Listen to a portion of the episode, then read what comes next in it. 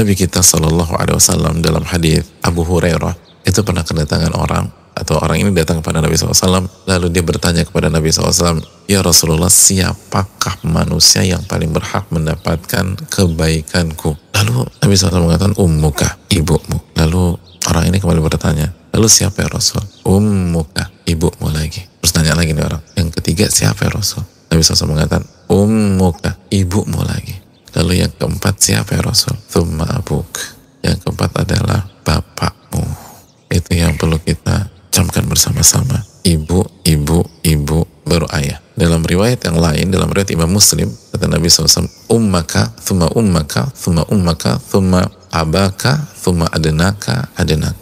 Ibumu, ibumu, ibumu, ayahmu, baru setelah itu yang terdekat, kalian terdekat.